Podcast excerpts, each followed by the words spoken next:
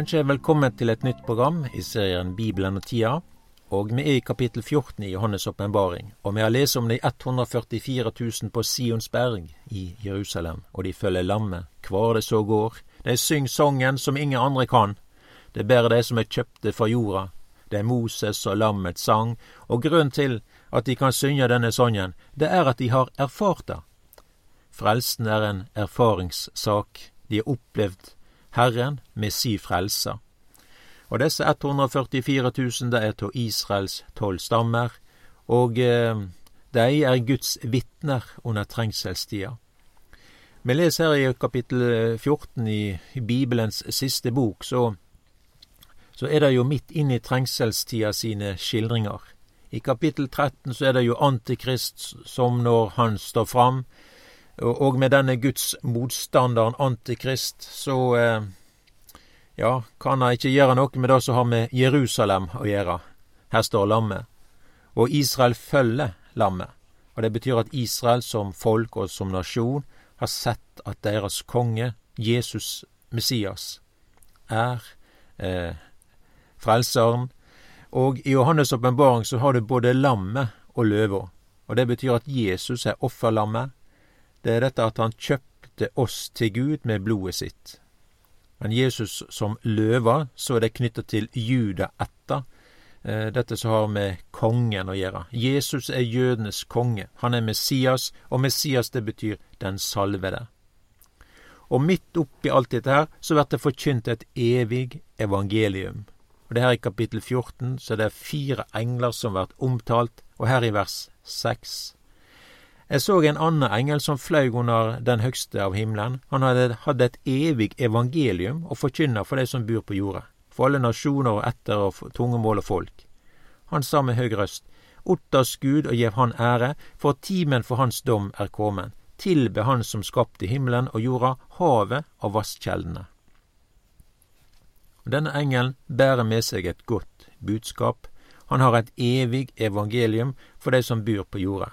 Og det er for alle nasjoner, etter og folk og tungemål. Dette evige evangelium blir omtalt og det er nok sammenheng mellom det evangeliet om riket som Jesus skildrer. Det er Jesus som sier det i sin endetidstale, som du har her i Matteus 24 av vers 14. Der står det at og dette evangeliet om riket skal forkynnes i hele verden til et vitnemål for alle folkeslag, og så skal enden komme. Så her blir det skildra evangeliet om riket. Så det er noe som er knytta opp til Israel og det jødiske folket. Og vi kan òg ta med her at Babel er falt. Og det skildrer åpenbaringen 14, eh, vers 8. Der står det at en annen engel, den andre, fulgte etter og sa, Fallen, fallen er Babylon den store, som har gjeve alle folkeslag å drikke av vreidevin fra horelivet sitt. Og når vi leser at Babel og Babylon er falt, så betyr det at alle menneskelige tiltak, gjerninger eller kløkt eller opprør, ja, den store og den stolte og den egenrettferdige, alt er falt. Det betyr at noe som er mislykkast. Det har vist seg at alt og alle, til alle tider, som har satsa på et Babel, har gjort en stor tabbe. En har satsa på noe som viser seg å ikke holde. En har satsa med livet sitt. En har gjort det i generasjoner. En har investert med veldige ressurser gjennom årtusen etter årtusen, men det gikk ikke. Babylon den store er falt. Babel, det står for noe som er i stedet for Gud. Det er noe som vil erstatte Gud. Det er noe som vil gå utenom Guds plan og ikke ære Gud, som skaper eller frelser. Babel, det er noe som eh, mennesket vil gjøre, og etablere seg uten Gud, leve uten Gud. Og grunnen til dette her, det er at mennesket sjøl vil være Gud. Derfor bygde de Babels tårn. Og Det står her i Første Mosebok, kapittel 11, da, vers 2. Det hendte da de drog fram mot aust at de fant ei sletta i Sinerlandet, og de busatte seg der. De sa til hverandre, Kom, lat oss gjera telgstein og brenne han godt. De bruka tegl til stein og jordbek i staden for mørtel. Så sa de, Kom, Lat oss byggja en by og et tårn som når opp til himmelen. Lat oss gjere oss et navn, ellers vert vi spredte utover heile jorda. Babel er i Bibelen det motsatte av Jerusalem. Babel er mennesket gjerninger, og det står i motsetningsforhold til Guds gjerning. Babel er mennesket sitt strev og egenrettferdighet, men Jerusalem handler om Guds rettferdighet. Babel er noe som totalt vil mislykkes. Sjøl om en har brukt årtusen etter årtusen, så viser det seg likevel det nyttes laust.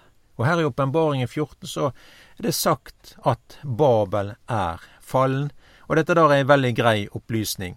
Og dette her har med egne gjerninger å gjøre, og de bygde seg et tårn. Ja, alle, på alle veier så er det sånne forskjellige tiltak med å komme seg til himmelen med egen hjelp, men da er noe som man ikke vil lukkast med. Det er ingen som har klart det. det og nå er Babel falt. Tenk på alle de mennesker som har prøvd dette, satsa livet på å komme til Gud med egen kraft og tiltak, men det går ikke. Det som er veien til himmelen, det er Jesus, og det handler om hva Jesus har gjort. Det er Guds frelse. Og her leser vi om at de som har satsa på Babel, de skal drikke fra vreidevinen fra horelivet hennes, og det er et veldig uttrykk. Men det betyr det som Babel står for, det vil komme over alle de som har trudd på Babel og satsa på Babel. Det handler om at mennesket går fortapt. Og vi leser om horelivet. Det betyr Det har noe med kjærlighet å gjøre, men det er noe som gir ut seg for å, å være kjærlighet.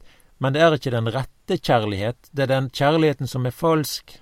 En kan gjerne gjøre kjærlighetsgjerninger, men det er og har ingenting med den sanne kjærleik. Denne kjærleiken som Babel representerer, er en falsk kjærleik. Det har ingenting med Guds kjærlighet å gjøre, da. Så denne andre engelen, han, han, forteller at Babel er falt, og det betyr det er en katastrofe for alt og alle som har gått Babels vei. Og det gjelder ikke bare i dag, men òg de generasjoner som har vært. Så kommer den tredje engelen, og han til at de som har fulgt Antikrist, de vil òg gå fortapt. Det står her i, i vers ni. En annen engel, den tredje, fulgte etter dei og sa med høg røst, Dersom nokon tilber dyret og bildet av det, og tek merke på handa si eller handa si, da skal han òg drikka av vreide, Guds vreidesvin, som er skjenkt ublanda i harmstøypet hans. Han skal pinast med eld og svovel for auga åt dei heilage englane og for auga åt lammet. Her der skiller han tilbedelse av dyret, eller bildet av det, og tek merke på panna eller handa si. De går fortapt. Og Dette er da skildra dette dyret her i kapittel 13 i Johannes' åpenbaring. Her er det omtalt de som tar dyrets merke. Det er knytta opp til kjøp og salg med hjelp av dette merket, da. Og tar en ikke dette merket, så får en ikke handla eller selja mat eller andre ting, hva det måtte være. De som ikke tek merke, vil oppleve hunger og død. De blir martyrer for da de ikke vil tilbe dyret og Antikrist. Og grunnen til at en ikke vil ta dyrets merke, er at en har Guds merke. Og de som har tatt dyrets merke og tilber Antikrist, de dør også. Det var det vi leste her i kapittelet her. Antikrist har ingen framtid å gi sine etterfølgere. Det står om djevelen at han kjem bare for å stjele og myrde og ødelegge. En går fortapt. Jeg forstår ikke alle de som vil følge en slik vond person. En som bare krev, og som vil ødelegge mennesket. Djevelen ødelegger mennesket for tida og for evigheten. Og det som jeg leser her i Johannes' åpenbaring, det er verdt å legge merke til. Det er ingenting å satse på når det gjelder egenrettferdighet. Det er heller ingenting å satse på når det gjelder å følge andre guder, eller en antikrist. Da er en katastrofe. Her går en evig fortapt. Og dette er Bibelens sanne fakta. Dette er opplysninger som kan gi berging og redning for himmelen. Og det som jeg kan være helt viss på, det er at det er verdt sånn som Herren han har sagt det og vi forstår ikke alt som er omtalt om tider og alt som vil skje, men eh, det må ikke være noe hinder for eh, at det er verdt sånn som Herren han har sagt det. Vi ser ikke alt i vår tanke og sinn, men Herren han har regien. Og det som er sagt her i, i kapittel 14 i Bibelens siste bok, så blir en tatt med inn i endetida sine begivenheter. Her eh, lir både Babylon og Antikrist nederlag. Og det er ikke bare de, men det er alle de som har fulgt Antikrist og vært en tilhenger av Babylon. Det står i fortsettelsen her, i vers 11, røyken av pinsla deira stig opp i all eve, de har ingen kvile dag eller natt, de som tilber dyret og har bildet av dyret, og hver den som tar imot merket, men navnet åt det. I dette ligger tålmodet til dei heilage, dei som held fast ved Guds båd og Jesu tru. Og eg hørte ei røyst fra himmelen seia, Skriv, sele dei som døyr i Herren, fra nå av. Ja, seier Anden, dei skal kvile fra si møde, for gjerningane deira følger dei. Så her ser vi de store forskjellene. Her blir en tikken bak det som har med tid å gjøre. Sel er dei som dør i Herren. Sånn har det alltid vært, og sånn er det i dag. Og sånn er det med den antikristelige trengsle. De skal få kvida fra si møde, for gjerningane følger dei. Og det her handler det om dei som dør i Herren. De kviler fra si møda. Det var ei trengselstid, ei trengsle som vi vanskelig kan forstå omfanget av sånn i forkant.